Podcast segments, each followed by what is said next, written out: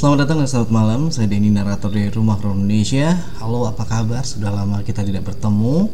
Mohon maaf karena akhir-akhir ini jarang untuk upload video Karena batuk-batuk dan tenggorokan gak enak. Jadi tidak memungkinkan untuk merekam. Dan malam hari ini saya akan membawakan sebuah cerita Pengalaman supir truk dikerjain hantu Belanda tanpa kepala di Alas Roban. Lagi-lagi di Alas Roban ya tapi sebelumnya saya ingin terima kasih buat kalian semua yang sudah subscribe, share, komen, like atau dislike-nya. Karena itu semua penting buat kami buat meningkatkan kualitas, meningkatkan hiburan di channel ini. Oke, begini cerita lengkapnya. Hantu Belanda tanpa kepala. Supir truk ini bernama Warsito.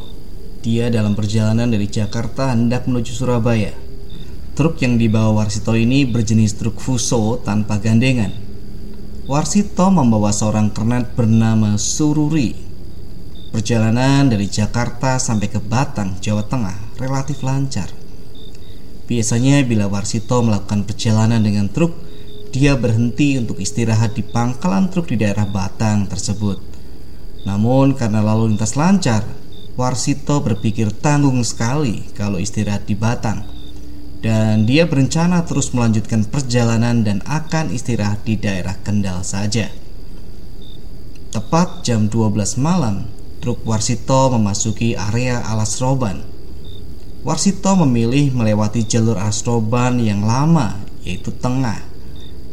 Padahal jalur itu terkenal angker dan jalannya berkelok-kelok. Sampai di tengah-tengah jalur tersebut, Warsito merasakan ban mobilnya ada yang gak beres. Lalu ia berhenti sejenak untuk memeriksa kondisi ban depan. Warsito turun memeriksa ban menggunakan lampu senter karena kondisi gelap gulita. Sementara Sururi masih di atas truk. Setelah dicek, ternyata ban depan sebelah kiri kempes. Warsito memutari kepala truk dan kembali ke samping ban depan sebelah kiri.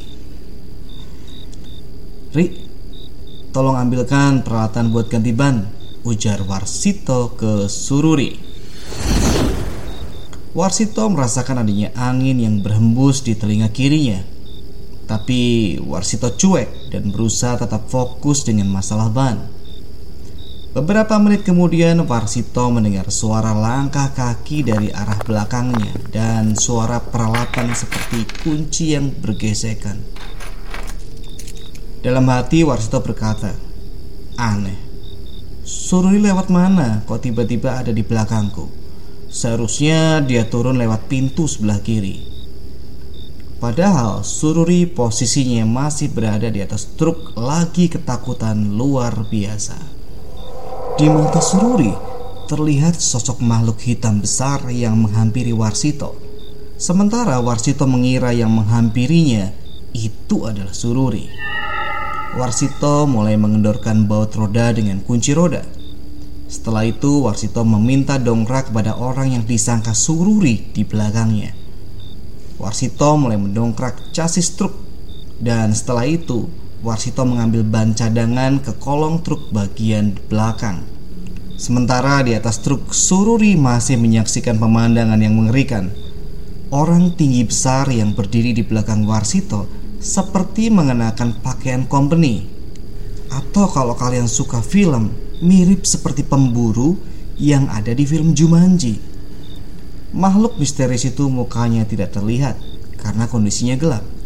Tapi samar terlihat makhluk itu melepas topinya dan menggar kepalanya.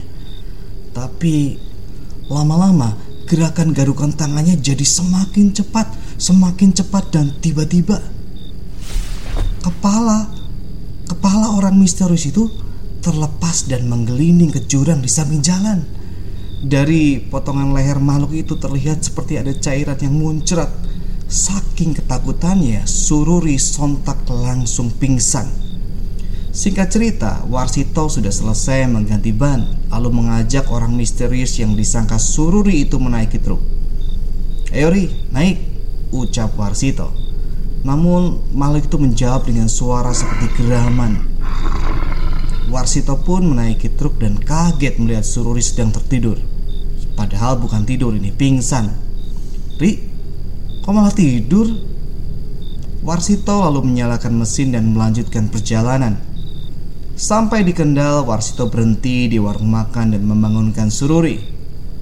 Ri, bangun, kita istirahat dulu.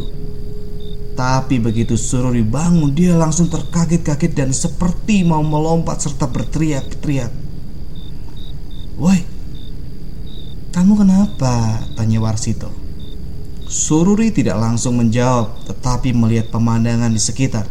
Setelah tahu dia berada di depan warung makan, barulah Sururi cerita kalau orang yang membantu Warsito di alas ruban tadi bukanlah dirinya, melainkan hantu Belanda tanpa kepala yang berpakaian seperti prajurit company zaman dulu. Oke teman-teman itu cerita horor kita buat malam hari ini. Terima kasih sudah mendengarkan sampai akhir. Selamat malam, selamat beristirahat.